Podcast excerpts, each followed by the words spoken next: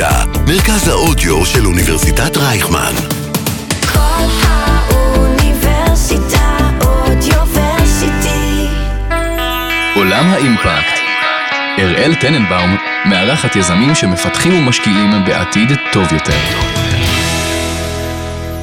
ברוכים הבאים לפודקאסט עולם האימפקט. בפרק היום נדבר על תחום חדשני ומרתק, לכידת פחמן מאטמוספירה. במשך כמעט 6,000 שנים של ציוויליזציה אנושית עד למהפכה התעשייתית, עמדו רמות הפחמן הדו-חמצני באוויר על מספר קבוע, 280 חלקים למיליון. אלא שמאז פלטו מפעלי תעשייה, תחנות כוח, כלי תחבורה ומזהמים אחרים כ-1.5 טריליון טונות של פחמן לאטמוספירה. עלייה אדירה בריכוז הפחמן, מה שגרם לכליאת חום בכדור הארץ וגורם ומגביר את ההתחממות הגלובלית.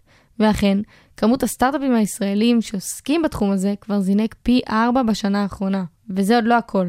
השמות הגדולים בהייטק, מאסק, גוגל, מטא, מוכנים להשקיע מיליארדים בחברות מצליחות. אז איתנו כאן היום עידו צור, בוגר תוכנית תלפיות היוקרתית בצבא, בעל תואר בפיזיקה והנדסת חשמל, שהקים יחד עם דן דבירי את קרבון בלו, לשאיבת פחמן מהאוקיינוסים. מה שלומך, עידו? שלומי טוב, תודה רבה. טוב, אז, אז קודם כל תספר לי, מה זה בכלל לכידת פחמן? מה זה הדבר הזה? שאלה גדולה. בגדול האנושות פולטת כל שנה 50 מיליארד טון של פחמן דו-חמצני, ובקצב הנוכחי כמובן המצב אה, לא יהיה טוב מבחינת הסביבה שלנו. הדרך לעצור את ההתחממות הגלובלית ולמנוע את העלייה מעל מעלה וחצי, אפילו שתי מעלות בהתחממות, זה להפוך את ה-50 האלה לאפס. עכשיו, יש הרבה מאוד טכנולוגיות שמפותחות ופרויקטים של אנרגיות מתחדשות. בעצם כל דבר שאנחנו מייצרים בעולם צריכים להפוך אותו למשהו שלא יפלוט פחמן דו-חמצני. העניין הוא שיש הרבה מאוד פליטות שאי אפשר למנוע אותן. החל ממטוסים, נגיד דלק מטוסים שאין לו כיום פתרון אחר אה, חוץ מדלק שנשרף. אה, וחלק כל מיני תהליכים אחרים, אה, גידול מרעה, כל מיני תהליכים שהם פולטים פחמן דו-חמצני ולא נוכל למנוע אותם. והדרך בעצם להתגבר על הדבר הזה, זה ללכוד פחמן דו-חמצני מהסביבה. כלומר, לקחת משהו, פחמן דו-חמצני שכבר נמצא שם, ללכוד אותו, ולשים אותו בקרקע או בכל מקום אחר, ככה שימנע את הפליטה ולא ייפלט שוב במשך אלפי שנים. אז זה ליחידת פחמן דו-חמצני, להוציא פחמן דו-חמצני מהסביבה ולמנוע ממנו לשוב לשם. ואתה באמת אה, בוגר אה, תלפיות. אה, אני מניחה שכשסיימת, יכלו לחטוף אותך באמת לכל חברה או לכל דבר, היית יכול לבחור ללכת. למה דווקא התחום הזה? כאילו, מה, מה משך אותך? איך הגעת לזה? אז היום בדיעבד קל לי להגיד שאני לא רואה שום דבר אחר שאפשר לעשות כיום חוץ מלעבוד על משבר האקלים. Uh, לקראת הסיום של השירות שלי אני הבנתי שאני מאוד חשוב לי שמה שאני עובד עליו ושאני משקיע בו כל כך הרבה שעות, מעבר לערך הכלכלי עבורי, יהיה לו גם באמת את ההשפעה החיובית או התרומה החיובית לעולם. כשיכול להיות שנכנסתי למשבר האקלים זה כבר פחות שם, זה פשוט ברור, זה מה שצריך לעשות. Uh, כי זה באמת ישפיע על העתיד של כולנו יותר מכל דבר אחר. ואיפה הכרת את דן? אז את דן אני מכיר אותו מהשירות המשותף שלנו. יצאנו, היינו בחפיפה יחסית מועטה, אבל uh, מאוד uh, הערכנו אחד את השני. וכשאני התחלתי לדבר על זה שזה הכיוון שאני הולך אליו, uh, חברה משותפת שלנו שיתחה בינינו שוב, וככה חברנו על, לעבוד על החברה החדשה שנקראת קרבון בלו. אבל באמת איך, כאילו, לא, אני מנסה לדמיין את זה בראש שלי, אתה... אתה מסיים את, את השירות, אתה יושב בבית, קורא ספרים, כאילו איך, איך בכלל הגעת להבין בזה? לפני שהתחלתי לעבוד, לעבוד עם טאן, אז מה שעשיתי, לקחתי את ה-IPCC, שזה הדוח של ועידת האקלים של האו"ם, יש לו, הוא יוצא אחת לכמה שנים, קראתי אותו. אה, עוד הרבה מאוד דוחות, שהם בגדול מה שהם עושים, הם ממפים מאוד טוב את המשבר האקלים ואת האתגרים ואת הסיכונים והסכנות. אה, קראתי גם ספר נגיד של ביל גייטס, שהוא נותן סקירה מעולה. אסון האקלים. אה, כן, ויש עוד, עוד, עוד לא מעט כאלה. אה, די מהר אתה מבין שאפשר לטבוע בתוך הים של, ה, של המידע והאפשרויות, וצריך בסופו של דבר לדעת, לדעת במה להתמקד. ואני חושב שיצא לי פשוט בדרך מקרית לדבר עם כמה אנשים, ספציפית מישהו שגם הוא בעצמו יש לו מיזם ללכידה של פחמן דו-חמצני. אה, והתחום הזה הוא מאוד מאוד אה, מעניין ו- וקורץ לאנשים כמונו שמאוד אה, קל להם לראות מטרה ואז להגיע אליה. וככה זה לכידת פחמן דו-חמצני. חברתי, ואז כשהתגלגלנו עם דן, אז היה באמת, קראנו את כל הספרות שקיימת בנושא באותו זמן. זה הכל מבוסס על מאמרים אקדמיים פה ושם של כל מיני uh, יוצאי אוניברסיטאות כאלה ואחרים, וניסינו לחשוב איך אפשר לעשות את זה טוב יותר. מעניין החומר, אתה ממליץ?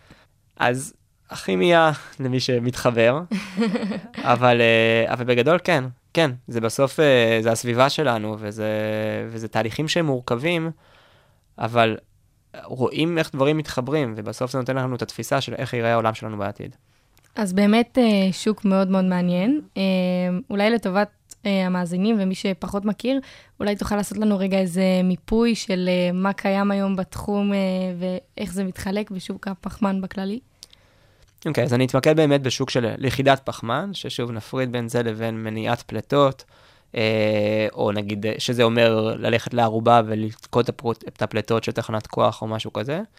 אה, ואנחנו מדברים פה על לכידה של פחמן מהסביבה. אז הלכידה הכי עתיקה שיש זה נטיית זה עצים, אה, כבר אה, קיים בעולם, עצים מקבלים פחמן אה, ככל שהם גדלים. ובאמת ב... העשורים הראשונים, אפשר להגיד, של התחום, וגם עד היום, זה, הפרויקטים המרכזיים היו נקראים uh, Nature-Based Solutions, פתרונות מבוססי טבע, שבהם uh, לוקחים שטחים שהיו מיוער, uh, מיוערים, ואז מייערים אותם מחדש, או לחלופין לוקחים מקומות שלא היו מיוערים ושמים שם יערות, או משחזרים סביבות טבעיות, אם זה ביצות ואם זה uh, צמחי מים אחרים. אז זה תחום אחד, שגם שם יש המון עניינים של, של איך מודדים כמה נלכד ואיך מאיצים את התהליכים האלה. בשנים האחרונות אז הבינו שכל התהליכים הטבעיים האלה הם מוגבלים בסוף בסקאלה, ולצערנו אנחנו נדרשים לכמויות יותר גדולות. אה, לא אמרנו את המספר, אבל כיום הערכה שצריך 16 מיליארד טון של פחמן דו-חמצני בשנה ללכוד כדי עד 2050. וואו. אה, שזה יותר מכל יצור תעשייתי אחר של האנושות ביחד. ו... ואז התחילו, ואז התחילו להתפתח, בהתחלה היו מספר חברות בודדות ב... בתחילת שנות ה-2010 והלאה, ובשנים האחרונות יש באמת הרבה יותר פתרונות שהם פתרונות תעשייתיים של... אה, שכוללים יחידה של פחמן דו-חמצני מהאוויר. שזה בעצם אומר להקים מתקנים, אפשר לדמיין את זה עם מאווררים מאוד גדולים, שעם אנרגיה הם מסננים את הפחמן דו-חמצני שנמצא באוויר. זה עוד משפחה אחת של פתרונות, נקראת Director Capture. יש uh, פתרונות נוספים שמדברים על uh, יותר, גם סוג של nature-based solutions, אבל יותר בכיוון של אצות, גידול אצות בצורה רחבה יותר. ויש פתרונות שמדברים על עכשיו לקחת צלעים ש... ולרסק אותם ולפזר אותם באופן שגורם לספיחה, זה נקרא Enhanced Weathering. המשפחה של הפתרונות שאנחנו מסתכלים עליה ושאנחנו מפתחים, היא באמת, זה משפחה שנקראת Ocean Base CDR. אמ, כשהבינו במהלך השנים האחרונות ש... שהפוטנציאל של הים הוא אדיר בקשר של יחידת פחמן דו-חמצני. למה? אז נתחיל בזה שמעל 90% מהפחמן בעולם הוא נמצא בתוך הים. Um, ה- הים סופח באופן טבעי 30% מהפליטות של האנושות. ו- ה- אז קודם כל זה מאגר מאוד מאוד גדול, והיכולת של הים אה, לספוח פחמן דו-חמצני מהאוויר היא תלויה בריכוז של הפחמן שבו. עכשיו, הפחמן דו-חמצני בים, כשאנחנו ניגשנו לזה, ראינו שהריכוז שלו הוא גדול פי יותר מ-140 מאשר באוויר. אה, ו... ומה שאומר שפוטנציאלית המתקנים שמוציאים פחמן דו-חמצני מהים יכולים להיות הרבה יותר קטנים והרבה יותר יעילים. כי לא אמרנו את זה קודם, אבל אחד מהאתגרים הגדולים שפחמן דו-חמצני באטמוספירה הוא בסך הכל 0.04 אחוז. כלומר, זה מספיק כדי לגרום להתחממות הגלובלית, אבל זה לא הרבה מבחינת הנדסה כימית. זה לא רעיון טוב לנסות להוציא אותו מ- מריכוז כזה. אז זה, זה הכיוון של הים, וגם בתוך הים יש הרבה מאוד uh, תתי הסתעפויות של, uh, של uh, גישות. Um, אפשר להגיד שהשתיים המרכזיות, אחת זה נקראת Ocean Alkalinity Enhancement, שזה אה, להגביר את היכולת, להוסיף חומרים חיצוניים לים, באופן כללי חומרים בסיסיים, אה, שמגבירים את היכולת של, הים לספוח פחמן דו-חמצני. וגישה אחרת, שזו הגישה ששוב, אנחנו מתקדמים, מתפקדים בה, זה אה, נקראת Direct Ocean Removal, שהיא אומרת בואו נוציא את הפחמן הדו-חמצני בעצמו מהים, ונאפשר לים לספוח עוד פחמן דו-חמצני מהאוויר. אז באמת, איך כאילו, מה הפתרון שלכם? איך אתם אה, עושים את זה בעצם? אז כמו זה בעצם הקונספט שלנו, אנחנו אומרים הים נמצא ברוויה עם האוויר, אם נוציא ממנו פחמן דו-חמצני בצורה נכונה, ונחזיר בעצם מים בלי פחמן דו-חמצני, אז זה יהיה כמו ספוג שהוצאנו ממנו את, ה, את המים, ועכשיו אנחנו משחררים, והוא יספח חזרה פחמן דו-חמצני מהאוויר. על הדבר הזה אנחנו פיתחנו טכנולוגיה שהיא מתבססת על הרבה מאוד טכנולוגיות קודמות שקדמו לנו, בהקשרים אחרים וגם בהקשר של יחידת פחמן, אבל עשינו להם כל מיני טוויסטים והתאמות, ככה שאנחנו בסוף נוכל לפתח טכנולוגיה שמותאמת ליחידה מהים. הטכנולוגיה שלנו מבוססת על שני שלבים. אה, בשלב ראשון אנחנו שואבים מים לתוך ריאקטור שלנו, מוסיפים סיד, שזה חומר בסיסי, אה, ובריאקטור שלנו אנחנו גורמים לשקיעה של גיר. שגיר זה קלציום קרבונט, הקרבונט פה זה הפחמן, הוא בעצם מכיל את הפחמן שנמצא בתוך המים, וזה שוקע כמשקע. אמ, ועכשיו נשארנו בעצם, התהליך הזה, מה שבעייתי בו זה שכל הזמן אנחנו צריכים עוד ועוד סיד, ואנחנו נשארים עוד ועוד גיר. וזה כמובן שכשאנחנו רוצים לדבר על סקלות מאוד גדולות זה בעייתי, וגם סיד באופן כללי זה חומר שהייצור שלו פולט פחמן דו-חומצני. אז מה שאנחנו עושים, וזה השלב השני שלנו, שאנחנו לוקחים את הגיר ואנחנו מפרקים אותו לפחמן דו-חמצני, שאותו אנחנו אוספים ומעבירים להמשך אה, שימוש או הטמנה. וסיד, שהסיד הזה חוזר לריאקטור הראשון. אז יש לנו בעצם תהליך מעגלי על הסיד או על הסידן, כמו קלציום קרבונט ו- ו- וסיד, אה, שמסיע החוצה את הפחמן הדו-חמצני מהמים. וזה לא פוגע ב- באוקיינוס נגיד? כי אני, אני מכירה נגיד איזשהו פתרון שמכניסים אה, לאוקיינוס, ואז יוצא מזה ניקל ומתכות, דברים כאלה, שזה נגיד כן יכול להשפיע על... אה, על החיות ודברים האלה, שלכם לא, לא עושה את הדברים האלה? אז כמובן שכל דבר, תהליך שאנחנו רוצים לעשות, אנחנו לא רוצים לפגוע, ובגלל שאנחנו מדברים פה על זה שאנחנו רוצים להגיע גם לסקאלה גדולה, אז חייבים שזה הכל יהיה באמת בטוח. אחד מהדברים היפים אצלנו בטכנולוגיה, וזה גם, זה לא רק אנחנו אומרים, זה גם המכון... אה, ה-No one, שה-Direct Ocean Removal זה השיטה הבטוחה ביותר ליחידה של פחמן דו-חמצני מהים, כי בסופו של דבר אנחנו לא מוסיפים שום חומר חיצוני למים. אנחנו בסך הכל uh, משתמשים באותם, באותם מינרלים שיש במים ומחזירים את אותם מינרלים שיש למים. אנחנו גם עשינו uh, מחקר בשיתוף עם מכון לחקרים ימים ואגמים, שלקחנו מים שלנו, שהם, שאותם אנחנו מחזירים לים, ובדקנו אותם, גידלנו בהם אצות, ואצות מקומיות מהים התיכון, ובחנו מה תהיה ההשפעה על האצות כתלות בריכוז של הפחמן שהוסרנו. עכשיו, כמו שהפחמן דו-חמצני באטמוספירה עלה ב, אה, מ-250 ל-400 בשנים האחרונות, אז גם בים זה אותו תהליך.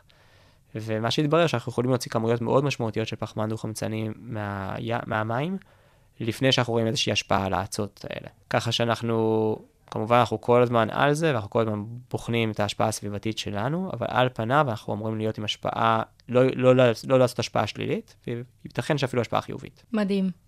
ורציתי לשאול, האמת, התחום הזה הוא באמת אה, מאוד גדול, היה סביבו הייפ מאוד אה, גדול בשנים האחרונות, אה, ואני מניחה שיש הרבה קשיים ואתגרים. מה, מה אתה חושב שהאתגרים הכי משמעותיים אה, כיום ב, בתחום הפחמן וליחידת הפחמן? כן, אז יש כאן משהו מעניין מהבחינה הזאת, שזה שוק שברור לכולם שצריך שהוא יהיה קיים מאוד, כלומר בסקאלה מאוד מאוד גדולה, כי אחרת אנחנו לא נצליח לעמוד ביעדי אקלים או להתקרב אליהם. אה, מצד שני, לא יודעים איך זה ייראה. כלומר, זה לא שיש היום אה, מכירות גדולות של אה, מכסות פחמן, אה, וכל הטכנולוגיות הן בשלב מאוד מוקדם. אז יש פה הרבה מאוד אי-ודאות בנוגע לאיך שהדברים האלה יהיו. כמובן שזה גם משפיע על המחירים, מי יבצע את העסקאות, בהתאם לאיזה רגולציה. אז כל הזמן נעים פה בין אה, מה, מה החלום שיהיה, מה אפשר שיהיה, לבין איפה המציאות מתקדמת אליה, ו- ואני חושב שמבחינה הזאת זה משהו שהוא אה, מאתגר בתחום הזה, כי, אנחנו, כי זה, שוב, זה לא שיש עכשיו איזשהו מסלול סדור, שאתה יודע מי בדיוק יהיה הלקוח שלך וכמה הוא ישלם, יש כאן איזושהי חוסר ודאות. אני יכול להגיד שבתחום שלנו, אחד מהאתגרים זה אה, למדוד כמה פחמן דו-חמצני בשיטה שלנו בפועל הוצאנו מהאוויר. אה, זה, זה קצת אה, מתחבר להרבה מאוד אה, דיבור שהיה בתקופה האחרונה, כל מיני פרויקטים בעולם שטענו שהם עושים יחידת פחמן, ובסוף הם מתברר שהם לא עשו. אם עושים ניתוח מדוקדק, אז אפילו אולי יגרמו לפליטות. אז כמובן זה לא המצב אצלנו, אבל אנחנו מתבססים על הטענה שהמים שאנחנו מוציאים את הפחמן, הם יספחו אחר כך פחמן דו-חמצני חזרה מהאטמוספירה. אז איך באמת, כאילו, אתה אומר את זה, ואני חושבת לעצמי, איך אפשר להוכיח את זה? כאילו, איך, איך אפשר להגיד שהפחמן מהאטמוספירה נספח לתוך הים? זה נראה לי מטורף, כאילו, המחקרים על זה. אז זה נכון, אה, אנחנו חשבנו, אנחנו כל הזמן חושבים מה המקום שלנו בתוך המחקר הזה. אה, וגופים גדולים בעולם שמים על זה הרבה מאוד כסף כדי לפתח שיטות כאלה. בסוף כנראה שמה שה... שהתכנסו עליו זה אה, להתבסס על מודלים שמדמים את, ה, את התהליכים הגיאולוגיים, פיזיקליים, כימיים של המים מול האוויר, שהם יחזו כמה פחמן, כמה פחמן נספח בסוף אה, על, ידי ה, על ידי המים, ולעשות לזה איזושהי ולידציה עם מדידות בשטח. זה, ה, זה הגישה שאנחנו, שאנחנו מתקדמים איתה. אה, ובסוף המטרה זה להוריד את חוסר הוודאות. כלומר, שבסוף אנחנו באמת נוכל להראות שגם אם זה לא יהיה 100% של ספיחה, אבל 95% או 90%, אבל לפחות שיש, אנחנו מורידים פה את החוסר הוודאות, זה מה שמאפשר בעצם לתחום הזה להתפתח. וכמה זמן לוקח למים מהרגע שאתם אה, לוקחים את הפחמן מהם, אה, לקלוט את הפחמן מהאוויר? אז לפי מודלים שאנחנו בנינו, מודלים בסיסיים, אנחנו ראינו שזה לוקח מספר שבועות לספיחה חוזרת, שזה יכול להיות יותר או פחות כתלות בטמפרטורה של המים ופרמטרים נוספים, ואז שזה תוצאה טובה, כי בסופו של דבר מספר שבועות זה, זה, זה לא הרבה. האתגר פה זה באמת שהמים יספחו את הפחמן חזרה לפני שהם צוללים למעמקים. אז מהבחינה הזאת הגיאוגרפיה יכול להיות שהיא תשנה. מה זאת אומרת? כאילו, מה זאת אומרת אה, לצלול למעמקים? אז ב, בים יש, אה, הפחמן, המים סופחים פחמן דו-חמצני כשהם נמצאים במגע עם האוויר, וכשיש שכבת ערבול, כשהם בשכבת הערבול, אה, שזה אומר שכבה עליונה של הים, אז הם כל הזמן הם מתערבלים ומגיעים, באים במגע עם האטמוספירה. במקרה שיש אה, נגיד זרמים למעמקי הים, אז המים הולכים לשם, ועד שהם יפגשו שוב את האטמוספירה, יכול לקחת עוד כמה, אפילו מאות שנים. במקרה כזה, באמת, מה, מה ה-Worst case שלכם מבחינת כמה זמן זה יכול לקחת? אז שוב, הערכה שלנו, ושזה מה שמקובל כיום, שבאזור 80 אחוז, וסתם ככה ייספח, אבל uh, במק... יש מקומות מסוימים בעולם שיכולים להגיע ש-100 אחוז ייספח, כי הם מקומות רדודים יותר, uh, או לחילופין טרופיים יותר, שיש יותר שיחוף של, ה... של המים. אז הדברים, אז הספיחה היא יותר פשוטה. ושוב, אנחנו יחד פה מקהילה רחבה שחוקרת את, ה, את הבעיה הזאת. אה, מבחינתנו, אנחנו בסוף, אנחנו נדע לבחור את המקומות הכי טובים למימוש של הפרויקט. ודיברת מקודם גם על אה, רגולציה. אה, זה תחום שהוא מתפתח בקצב שהוא מתאים, זאת אומרת, נעשה הרבה בשביל, בשביל השוק הזה? כאילו, מה, מה מצבנו מהבחינה הזאת? אז זה מתחלק לכמה כמה אזורים. יש את הרגולציה שקשורה לשוק עצמו, לכלכלה שתיווצר בשביל לתמוך ב, בלכידה של הפחמן. כיום השוק הזה מובל לא על ידי רגולציה, אלא מובל על ידי חברות טק, שמחליטות לשים בזה הרבה מאוד כסף, אה, ולקנות מטעמים אולי פילנטרופיים אפילו, אה, או כדי לעמוד ביעדים שלהם, כמויות גדולות של פחמן דו-חמצני או של קרדיטים. הרגולציה במדינות, אז היא, היא צעד אחד מאחור. מי שכיום מובילה את העולם הזה, והיא נכנסה לזה באיחור, אבל היא נכנסה שם חזק כמובן, זה ארצות הברית. אה, שיש שם כיום החזר מס, ו-45Q זה חוק ש, שגם אה, חידשו אותו עכשיו תחת ממשל ביידן והרחיבו אותו, שהוא נותן החזרים יפים אה, תמורת לכידה של פחמן דו-חמצני. באירופה לצורך העניין, אז יש שוק פחמן מאוד גדול, אבל הוא עדיין לא פתוח ללכידה של פחמן דו-חמצני. אה, והם מדברים כל הזמן על איך אפשר לשלב את הדבר הזה בפנים. יש לו נושא של התמיכה בפעילות של אה, לכידה של פחמן באופן כללי, לעזור למימוש פרויקטים והקלה ברגולציות, שגם הדברים האלה, בסופו של דבר באירופה ובארצות הברית מאוד מאוד אה, אה, דואגים לדבר הזה ומתמקדים בו. בארץ יש לנו עוד אה, הרבה מאוד אה, לעבור אה, לפני שנגיע לשם.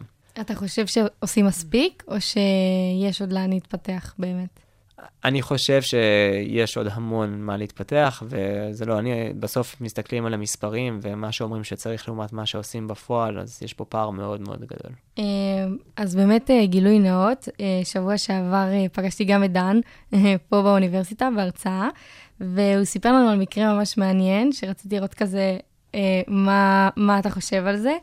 Uh, בעצם הוא סיפר לנו שב-1894 uh, הייתה בעיה מאוד uh, גדולה בלונדון של צואה של סוסים, שאמרו שכתבו בעיתון טיימס שבעוד 50 שנים כל רחוב בלונדון ייקבר תחת תשעה מטרים של זבל סוסים, בגלל באמת הכמות הגדולה של סוסים שהייתה שם. ובאמת כינסו את גדולי המומחים ומיטב המוחות לנסות למצוא פתרון. אה, ואמרו שאין פתרון וזה מה שהולך להיות. ואז באמת ב-1912 הגיע פורד והמציא את המכונית, ו... ובעצם כל, ה... כל התחזיות שהיו עד אז התבררו כלא נכונות, כי הם החליפו את הסוסים, וה... ו... ולא היה יותר אה, צואה של סוסים אה, כמו התחזיות האלה. האם זה משהו שאתה חושב ש, שנכון גם לפחמן, או שבעקבות איזה המצאה טכנולוגית אולי, או משהו בכללי, או שזה, יש שוני מאוד מאוד גדול? כן, אז האמת שזו נקודה מעניינת, כי אני ודן הרבה פעמים uh, מתווכחים על, ה, על, ה, על החזון הזה, אפשר להגיד. Uh, האם באמת יחידת פחמן יכולה להיות איזשהו פתרון שיפתור את משבר האקלים, שבעצם לא נצטרך לשנות כמעט שום דבר בשביל... Uh, ולהישאר אותו דבר כמו היום, ועדיין, ולשמור על העולם שלנו. בעיניי, יש שני דברים. א', זה, זה עצם המחשבה היא מאוד מסוכנת, כי אין לנו את הדבר הזה, ו, ולא, לא, וגם לא באופק. אה, ודבר השני, אני חושב גם שהאתגר פה הוא הרבה מעבר למקרה כזה. אה, שוב, אנחנו מדברים פה על כמויות אדירות, משהו שהוא, וזה כל התעשייה שלנו מבוססת על זה, על פליטות. אה, אין משהו ביומיום שאנחנו עושים שלא גורם לפליטות. אה, ולכן אני לא, כמו שדיברנו קודם אה, לפני על האופטימיות, אז בסוף אנחנו צריכים לעשות הכי הרבה שאפשר. אני לא חושב שאנחנו נגיע למצב שבו אנחנו אומרים עשינו מספיק. אפרופו אופטימיות, אה, מה, מה דעתך? אתה חושב, יש לנו סיכוי? אנחנו, אנחנו נצליח? אז נבואה ניתנה לשוטים. אני יכול להגיד שאנחנו, שאני מאמין שאנחנו ננסה, שזה כבר משהו, כי זה לא מובן מאליו. לגמרי. ואני חושב שזה אה, אחד מהשינויים שרואים בשנים האחרונות, שאנשים באמת רוצים ורוצים לנסות, אה, ובפני עצמו זה נותן מוטיבציה מאוד גדולה בכלל האנושות, וזה בפני עצמו זה משהו שהוא, שהוא טוב. האם נצליח? אז נצליח, אבל אני לא יודע אם נצליח כמו שציפינו. כן, ואפשר גם לראות כבר היום את ה... את ההשפעות של, של הפחמן ושל העלייה של הטמפרטורות. אפילו כאן בארץ ב, ביוני, עכשיו שאנחנו מדברים, וירד גשם השבוע, שזה בכלל כאילו אירוע מטורף. כן, האמת שאם זה יהיה ככה, אני דווקא מבסוט על זה. כן? שיהיה, שיהיה, שיהיה יוני נעים, זה, זה דבר טוב. שינויים, שינויים מוזרים. בדיוק. ורציתי לשאול אותך, אה, אני משתדלת לשאול את כל האורחים שמגיעים כאן אה, לתוכנית, אה, איפה אתה רואה את עצמך אה, בעוד חמש שנים, ואיפה אתה רואה גם את קרבון אה, בלו, את החברה שלכם בעוד חמש שנים מהיום? אז את עצמי אני רואה עם קרבון בלו, ואני מקווה ש... רואה את זה כאיזשהו מסע ארוך. קרבון בלו, אנחנו שואפים באמת להיות, אם ניקח את הדוגמה הקודמת, אז זה להיות הפורד החדש בהקשר הזה של יחידת פחמן. אנחנו מאוד מאמינים בפתרון שלנו, ואנחנו חושבים שהוא יכול באמת לגדול להיות כלי מאוד משמעותי במאבק של האנושות נגד ההתחממות הגלובלית. אה, ומאוד היינו רוצים לראות מתקנים שלנו מוקמים בסקאלה גדולה, אה, עם הרבה מאוד שותפים, אה, וזו השאיפה שלנו. ואיזשהו טיפ ליזמים, גם בתחום האקלים וגם בכללי. אוקיי, okay, אז אני אגיד שבתחום האקלים אני חושב שה... שה... שני דברים. קודם כל, אמרנו עוד חמש שנים מהיום, חמש שנים זה לא הרבה זמן בעולמות האקלים, ההארדוור. אה, זה תהליכים גם שלוקחים הרבה זמן, גם תהליכי פיתוח ארוכים, צריך הרבה מאוד סבלנות. אני חושב שהדבר העיקרי זה לא לפחד, אה, לדעת ללכלך את, ה, את הידיים, אבל כל הזמן גם לחשוב על מה הולך לעבוד. כלומר, מה, מה בסופו של דבר יהיה קל לעשות, למצוא את הנתיבים הפשוטים, הפתרונות היצירתיים, גם אם זה עכשיו לא החלום הכי גדול, אבל כן לכוון לדברים שיכולים לעבוד ו, אה, ולהצליח, ובסופו של דבר על גביהם אפשר לבנות עוד ועוד דברים שיעבדו, וככה לגדול. ככה לסיכום, לאנשים שהיו רוצים לחקור יותר על התחום המטורף הזה, אה, לקרוא עוד, מה, מה היית ממליץ אה, למי שנכנס עכשיו? אז אני אתחיל, אני חושב ש, שטוב להכיר את ה baseline של, ה-IPCC, כי בסופו של דבר כל תחום שמתייחסים בו הוא חלק מהסתכלות רחבה יותר על כל התחום הזה של לכידת הפחמן. חומר יש באמת הרבה מאוד בשפע. אה, זה ממש כל תחום שרק מחפשים, יש על זה המון המון ריוויוז, אז פשוט צריך לקחת את המחשב ולהתחיל לקרוא. מהמם. אה, טוב, תודה רבה רבה עידו, שהגעת לכאן היום, אני ממש מקווה שתצליחו. ותצילו את כולנו, מה שנקרא. ותודה רבה לכם, המאזינים, שנשארתם uh, עד כה איתנו. Uh, בהחלט תחום מאוד מאוד מעניין למי שרוצה לחקור עוד. Uh, אם אתם רוצים לשאול משהו, אותי או תדעו, אתם מוזמנים uh, לכתוב לנו. כמובן שאתם יכולים למצוא אותנו בכל אפליקציות הפודקאסטים, אפל פודקאסט, ספוטיפיי, מה שעולה על דעתכם, גם באתר האוניברסיטה. מוזמנים לדרג אם אהבתם, וכמובן הצעות לשיפור, לשימור, תמיד אשמח לשמוע. ותודה, שיהיה יום טוב. עולם האימפקט אראל טננבאום מארחת יזמים שמפתחים ומשקיעים בעתיד טוב יותר.